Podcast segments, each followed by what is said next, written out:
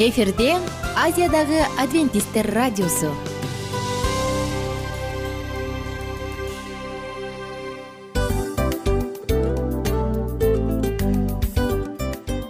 Достор салют. Баардык сүйүктүү угармандарыбызга салам айтабыз. Кутман күнүңүздөр менен.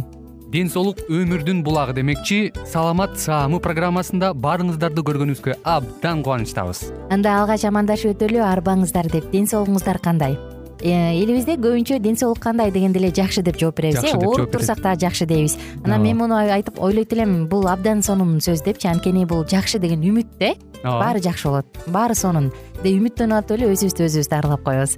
Анысы кандай? Сиздин дагы ден соолугуңуз жакшы беш деген үмүттөбүз чындыгында ден соолук бул өмүрдүн булагы деп бекеринен айтылган эмес деп ойлойм. Кыргыз элинде анткени эгерде ден соолук жок болсо анда адамдын жашоосунда калган баардык керектүү маңыздуу нерселер өзүнүн баалуулугун жоготуп коет. Ошондуктан ден соолук бул эң керектүү нерсе. Ооба туура айтасың кесиптешим. Чынында ден соолугуң жок бир эки үч күн ооруп калсаң эле э кандай болуп калат? Жашоодо көз каранды болуп каласың көп нерсеге жетишпей каласың көп нерсени кыла албай каласың жада калса эшикке дүкөнгө да чыга албай каласың. Туптуура анан ден соолук болсо демек биз биздин бактыбыз тоодой деп койсок болот. Анда достор саламат рубрикабызды баштайлы. Алдыда өзүңүзгө керектүү болгон сонун кеңештерди уга аласыздар. Мына ошондуктан биз менен бирге болуңуздар. Ал эми биз болсо милан жана айнура. Кеттик алга. Алга саламат саама ден соолуктун жарчысы. Саламат саама ден соолуктун ачкычы. Күн сайын сиз үчүн мыкты кеңештер сонун жаңылыктар кызыктуу фактылар биздин рубрикада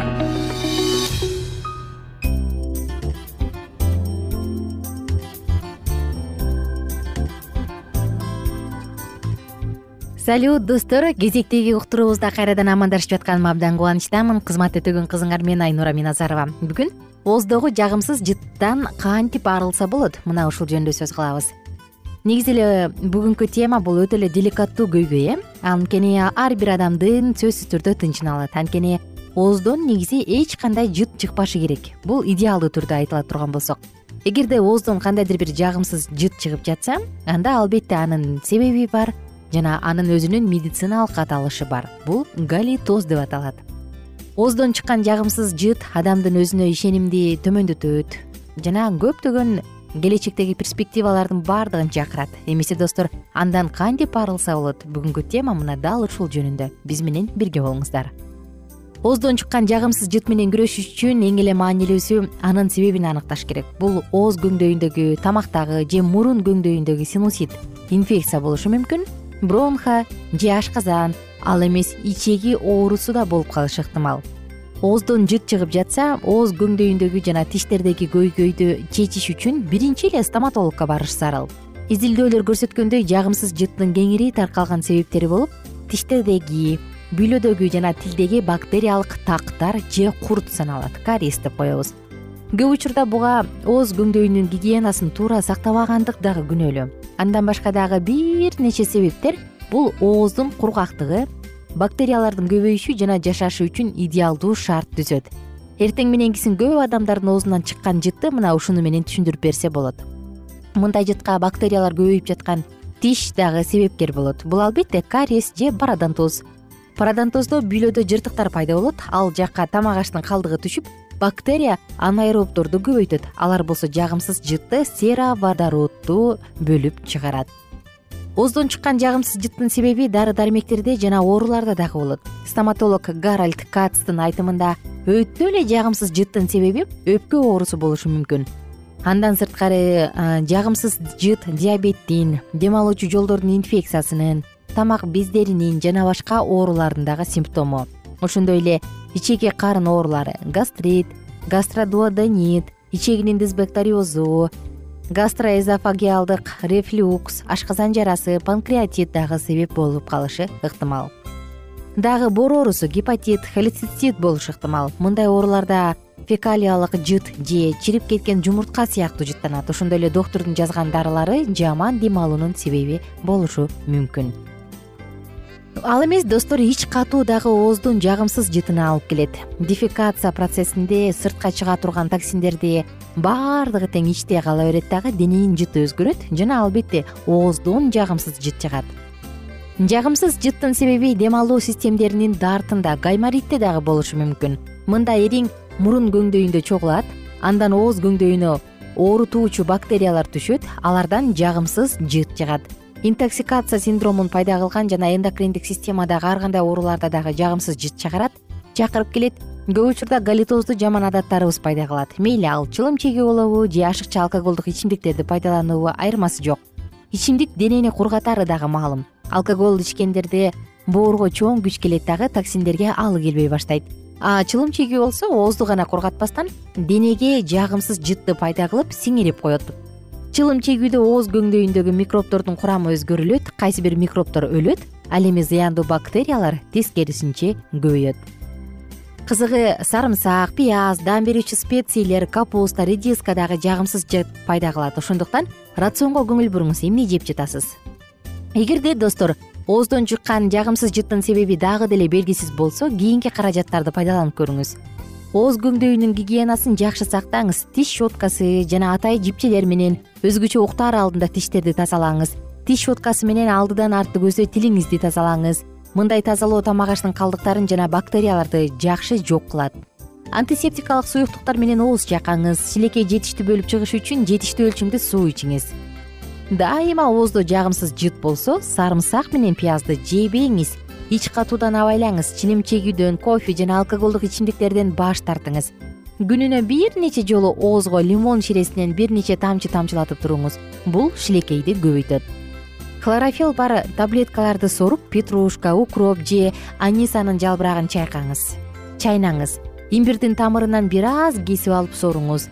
Гвоздиканы соруңуз. Бул антисептикалык жана суукка каршы туруучу өсүмдүк. Ооздон чыккан жыт кандай адам өзү анын жытын көп учурда байкабайт бирок тегеректеги адамдарга билинет. Адам өзү анын жытын байкабайт башка бирөөнүн жардамысыз эле өз алдынча ооздон чыккан жытты билип алса болот. Ал үчүн билекти жалап кургагандан кийин жыттап көрүңүз. Ошондой эле жытсыз тиш үчүн атайын жипчени колдонгондон кийин кургатып анан жытты жыттап байкаңыз. Галитозду диагностикалаш үчүн атайы галиметр деп аталган прибор бар ал абага чыккан сероводороддун концентрациясын өлчөйт. Результат э, нолдон төрткө чейинки шкала боюп эсептелет. Эми болсо ооздон чыккан жагымсыз жыттан кантип арылыш керек? Күнүнө жок дегенде эки жолу жууңуз атайын тиш жипчелерин колдонуңуз андан сырткары тиштеги тактарды кариес курттун баардыгын дарылаңыз ошондой эле достор оозду атайын ооз чайкоочу каражаттар менен чайкап туруңуз. Жана албетте жаман зыяндуу адаттардан баш тартыңыз. Булардын баардыгын тең биз карайбыз. Биз көбүнчө бакытты романтика жана сүйүүсүз элестете албайбыз. А эгерде жакын сүйүктүү адамың менен чогуу болоюн десең анда ооздон чыккан жыт чыгып турса анын жанында да боло албайсың. Мына ошондуктан достор ооздогу жыт биздин жеке жашообуздун баардык аймагында сөзсүз түрдө тиешесин тийгизет. Угармандарыбызга эмне дейбиз достор пайдат адат бар болсо дагы пайдалуу жакшы адаттар болсун? Жок болсо жаман адаттар жок болсун? Эгерде жыт боло турган болсо бакыттын жыты болсун жакшы жагымдуу нерселердин жыты болсун ал эми жагымсыз бизге залакасын тийгизген жыттар таптакыр жок болсун бүгүнкү уктуруубузда сиздер менен ооздон чыккан жагымсыз жыттар жөнүндө сөз кылдык. Алардан кантип арылам десеңиз сөзсүз түрдө бизден айтылган баардык баардык эскертүүлөрдү эске алыңыз дагы ыкмаларды кадамдарды кадам кадамы менен арт артынан баардыгын тең көзөмөлгө алып аткарып өзүңүзгө бакыт тартуулаңыз. Достор сиздер менен коштошобуз. Жана кийинки уктуруудан амандашканча саламат саама ден соолуктун жарчысы. Саламат саама ден соолуктун ачкычы. Күн сайын сиз үчүн мыкты кеңештер сонун жаңылыктар кызыктуу фактылар биздин рубрикада. Салют замандаштар баарыңыздарга ысык салам. Дил маек программабызга кош келиңиздер. Дил маек рубрикасы дегенде эле бул эмне болгон дил маек ким менен маектешебиз деп сурайт болуш керек угармандарыбыз бул рубриканы кыскача тааныштыра кетип турган болсок ар тарап кесип ээлеринен болгон сонун интервью кеңештер бар. Ооба. Жылдыздар менен болгон маек бар. Аталарыбыздын агаларыбыздын чоң аталарыбыздан сонун кеңештер бар. Ошондой эле эже сиңдилердин кеңештери бар. Айтор баардык кызыктардын баары алдыда.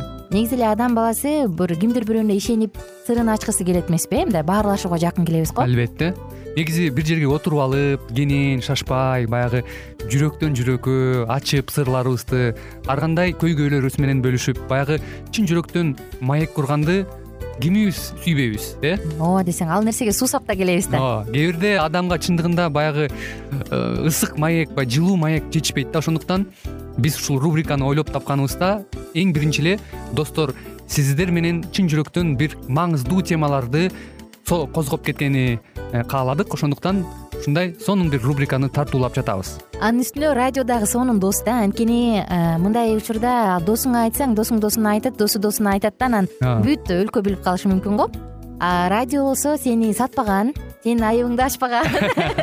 Сенин сырыңды эч кимге айтпаган сонун дос ошондуктан биздин алдыдагы айта турган кеңештерибизди биздин досторубуздун кеңештерин угуп анан ал жака пикириңизди дагы калтырып кайрадан биз менен байланышсаңыздар болот. Деги эле жашооңузга эгерде кичине болсо дагы өзгөрүү алып моралдык жактан нравовик жактан сонун бир кеңештерди алсаңыз демек биз максатыбызга жеттик. Ооба.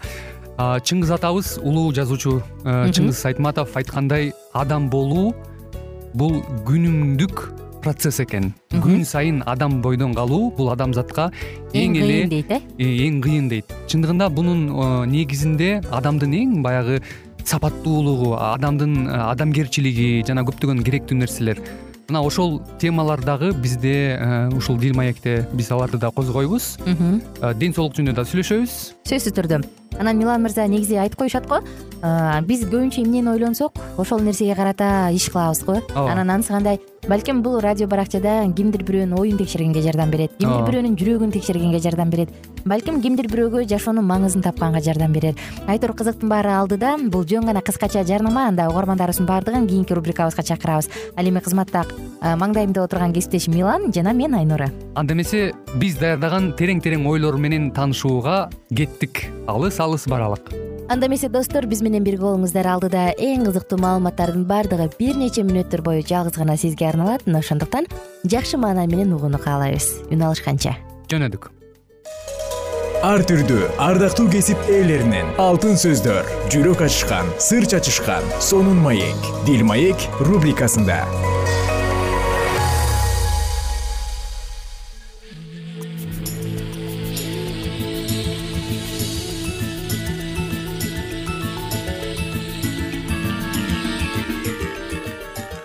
кутмандуу күнүңүздөр менен кадырлуу радио угармандарыбыз кайрадан эле сиздердин назарыңыздарда бактылуу никенин баалуу эрежелери аттуу программабызды баштайбыз. Бүгүнкү программабыздын чыгарылышында кайрадан эле кызматыңыздарда микрофондо мен улан жана ошондой эле кесиптешим асель биз сиздер менен биргеликте дал ушул жаатта аял менен эркектин айырмачылыктары туурасында бүгүнкү программабызда сөз кылабыз.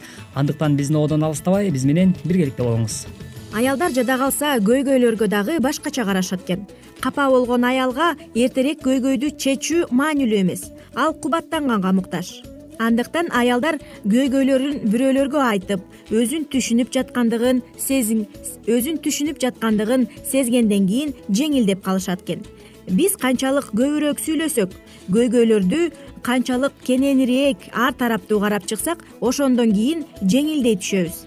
Аялдын табияты мына ушундай ал эми муну өзгөртө турган болсок аялдын өзүн жокко чыгарганга туура келет. Бирок өтө эле көп сүйлөгөндүк биздин кемчилигибиздин бири болуп калмакчы. Негизи аялдар жалган маалыматтарды таратышып ушакташат. Бирок эркектердин арасында да мындай күнөө кылгандар көп. Бул үй бүлөдө жумушта жана туугандардын арасында көйгөйлөрдү жаратып жумушта жана жакын адамдардын арасында дагы баркыбызды кетирет экен чындап эле жогоруда айтылып өткөндөй айымдар арасында мына ушундай көрүнүштөргө баардыгыбыз эле күбө болуп келет эмеспизби. Андыктан негизи эле аял киши өзү табиятынан бул сүйлөөгө жөндөмдүү келгендиктен э, мына ушундай кырдаалдар э, жашоодо э, байма бай болуп турган мыйзамдуу көрүнүш экен.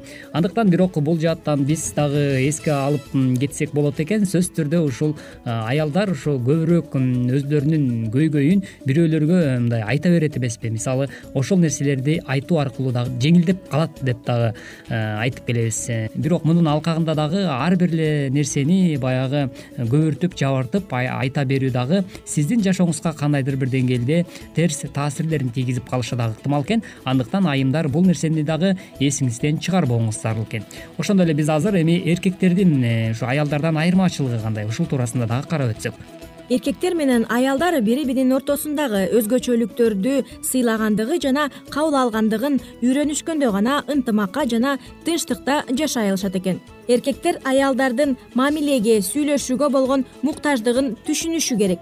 Себеби ушул аркылуу аялдар жеңилдеп жана кубаттанып алышат. Эгер жолдошунун айта турган сөзү жок болсо ал жөн гана жубайын угуп коюу менен чоң жардам бере алат экен мына ошентип биз дагы мырзалар сөзсүз түрдө өзүбүздүн жубайыбызды э, жөн эле баягы кош көңүл мамиле кылбастан сөзсүз түрдө аларды уга билген болсок дагы демек аялдын көңүлүн көтөргөнгө кандайдыр бир жардам жана демилгечи болуп э, берген болот экенбиз. Андыктан бул нерсени дагы мырзалар эч убакта э, эсибизден чыгарбайлы.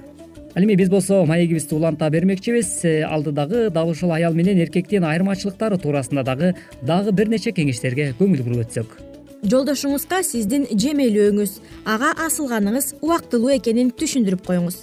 Бир аздан кийин жеңилдеп алган соң сиз кайрадан сүйүктүү назик жана чыдамдуу болуп каласыз. Жолдошуңуз болгону сизди укканы үйрөнүшү керек. Себеби өз көйгөйлөрүңүз жөнүндө сүйлөшүү сизге жакшы таасир тийгизет. Көптөгөн эркектер жада калса аялдар да көйгөйлөр жөнүндө сүйлөшкөнгө туура эмес карашат себеби ушундай кылуу менен ага асылганыңыз убактылуу экенин түшүндүрүп коюңуз. Бир аздан кийин жеңилденип алган соң сиз кайрадан сүйүктүү назик жана чыдамдуу болуп каласыз. Жолдошуңуз болгону сизди укканды үйрөнүшү керек. Себеби өз көйгөйлөрүңүз жөнүндө сүйлөшүү сизге жакшы таасир тийгизет. Көптөгөн эркектер жада калса аялдар да көйгөйлөр жөнүндө сүйлөшкөнгө туура эмес карашат. Себеби ушундай кылуу менен кандай жеңилдеп калышаарын башынан өткөргөн эмес алар аялдын өзүн угуп жатканын сезгенден кийин тез эле өзгөрүлүп кубанып камкор жана жароокер болуп калаарын көрүшкөн эмес. Көптөгөн үй бүлөлөрдө проблемаларды чогуу олтуруп ачык айтып проблеманы чечишпейт экен. Ошондон улам көптөгөн үй бүлөлөр көп жаңылыштыкка алып келет экен албетте ошондуктан урматтуу угармандарыбыз жана ошондой эле сүйүктүү жубайлар жана ошондой эле биздин э, буга чейинки тыңдап келе жаткан баардык досторубуз сөзсүз түрдө бактылуу никенин баалуу эрежелери сиздин жашооңузда орундалышы үчүн э, албетте бул баарлашуу жана ошондой эле бири бирибиздин мүнөзүбүздү толук таанууда демек ар бирибиз өзүбүздү машыктырууубуз зарыл болуп саналат экен. Андыктан бул жаатта дагы сөзсүз түрдө сиз жашооңузда айтылган баардык буга чейинки радио берүүбүздөгү ар бир э, ыкмаларды жашооңузда тажрыйба катары колдоно алган болсоңуз анда сөзсүз түрдө өзүңүздүн никелик жашооңузду бекемдегенге жакшы бир өбөлгө болуп бере алат деген ойду айтып өткүбүз келет.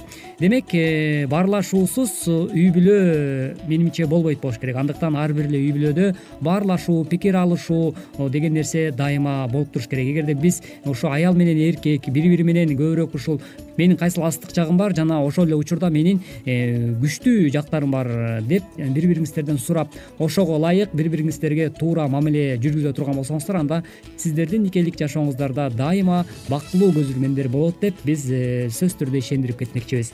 Андыктан бул жакта дагы сиздердин үй бүлөңүздөрдө ушул эрежелер дайыма орундала берсин жана ойлогон ой максат тилектериңиздерге жете бериңиздер деген тилегибизди билдиргибиз келет мисалга айымдар э, көп учурда э, эркектер орой мамиле кылганда э, унчукпай калышат да бул нерселер топтоло берип топтоло берип анан бир күнү чоң салют болуп жарылып үйдө чоң жаңжаал чыгышы мүмкүн сөзсүз түрдө бул нерсенин курчуп кетишине э, жол бербеш үчүн ардактуу айымдар сиздер дагы өзүңүздөрдүн оюңуздарды топтоп жана ошондой эле э, сабырдуулук менен э, жолдошуңузга кандайдыр бир учурда ыңгайлуу келип калган убакытта кел отуруп сүйлөшөлү деп ошол нерсени чечише турган болсоңуз анда жашооңуз кыйла эле жеңил болгон болот экен сөзсүз түрдө пикир алышып сүйлөшүүдө дагы жакшы бир жыйынтык жаралат деген ойдобуз. Эгерде бул нерсени такыр эле айтпастан түнт болуп ичиңизде катып сактап жүрө бере турган болсоңуз анда сиз ар кандай ооруларга же болбосо депрессия абалына түшүп калганга дагы толугу менен бул нерсеге сиз дуушар болуп калат экенсиз.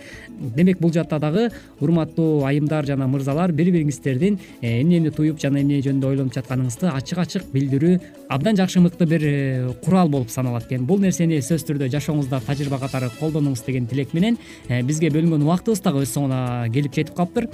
Эмки программада дагы ушул көйгөйлөр туурасында сөз кылмакчыбыз. Кайрадан эле биз сиздер менен бул аба толкундан үн алышканча коштошмокчубуз. Эмки берүүбүздөн биз сиздер менен бул ободон үн алышканча сак саламатта болуңуз. Ар түрдүү ардактуу кесип ээлеринен алтын сөздөр жүрөк ачышкан сыр чачышкан сонун маек дил маек рубрикасында жан дүйнөңдү байыткан жүрөгүңдү азыктанткан жашооңо маңыз тартуулаган жан азык рубрикасы.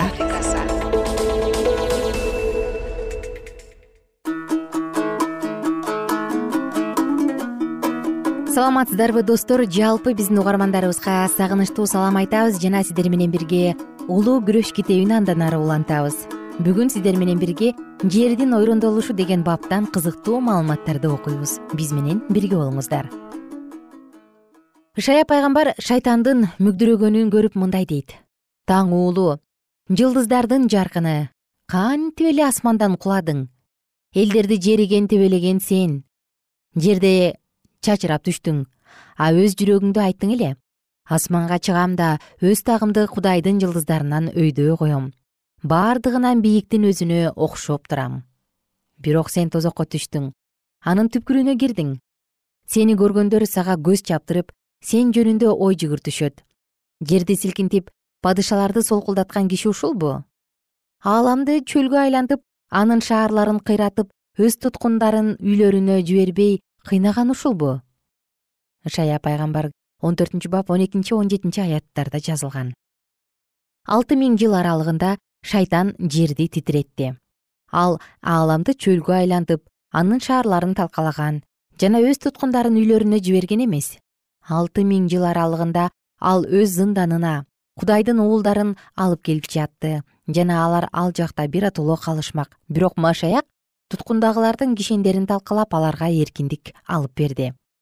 Шайтан эми адилетсиз адамдардын үстүнөн дагы бийлик кыла албайт. Күнөөгө толгон каргышты өзүндө сезиш үчүн ал жиндер менен жалгыз калып калды.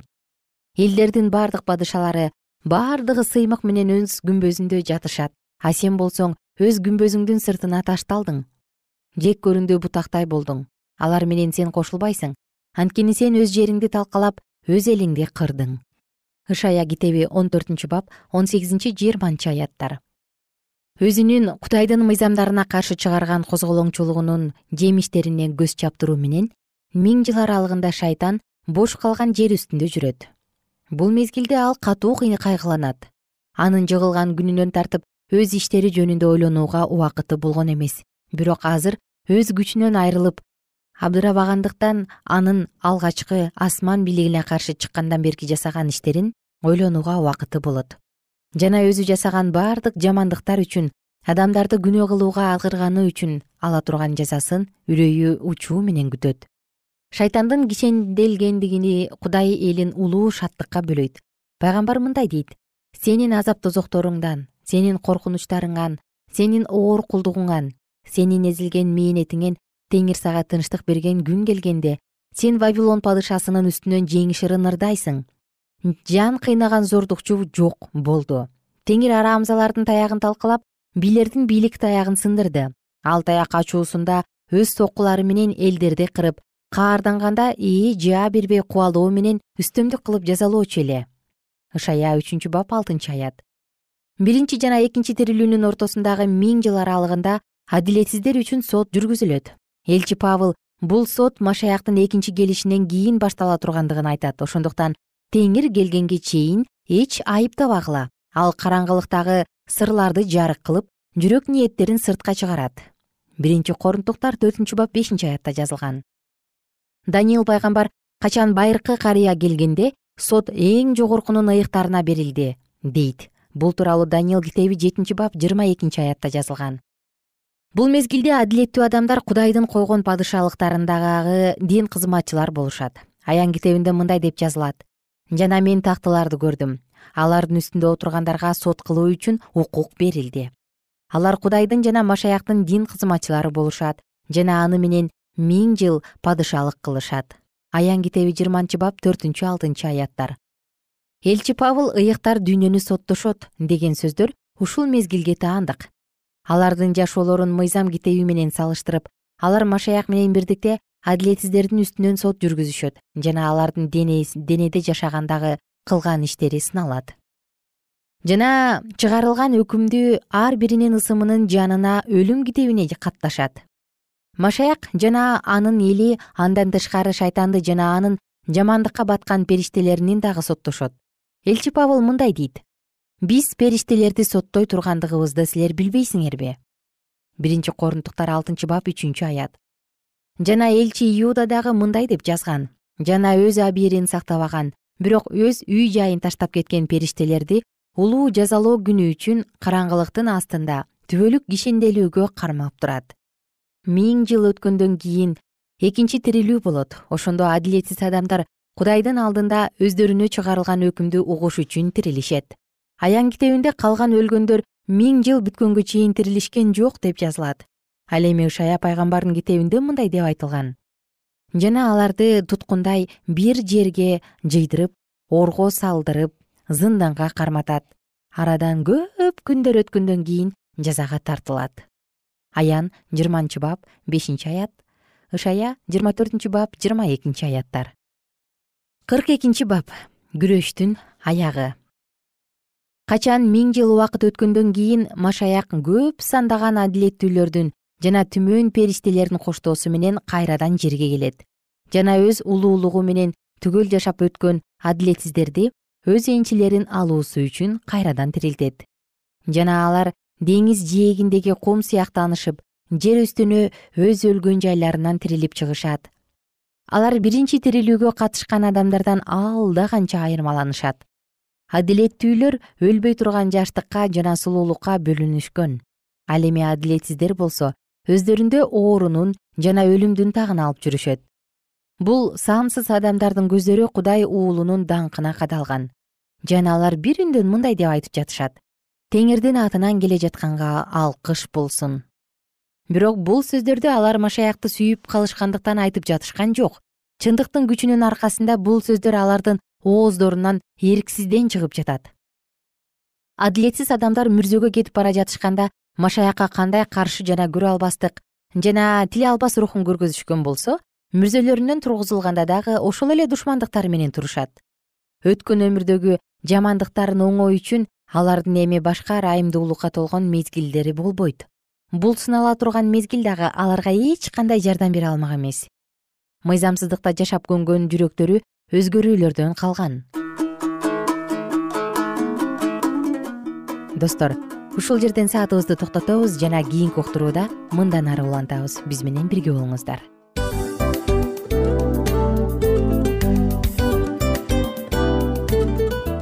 достор биздин радио баракчаларыбыз соңуна келди. Демек бул программабызды дагы жыйынтыктачу учур келдик. Учурга келдик. Анан кесиптешимден сурагым келип турат. Негизи эле иштин башталып атканы кубандырабы сени же жыйынтыгы кубандырабы?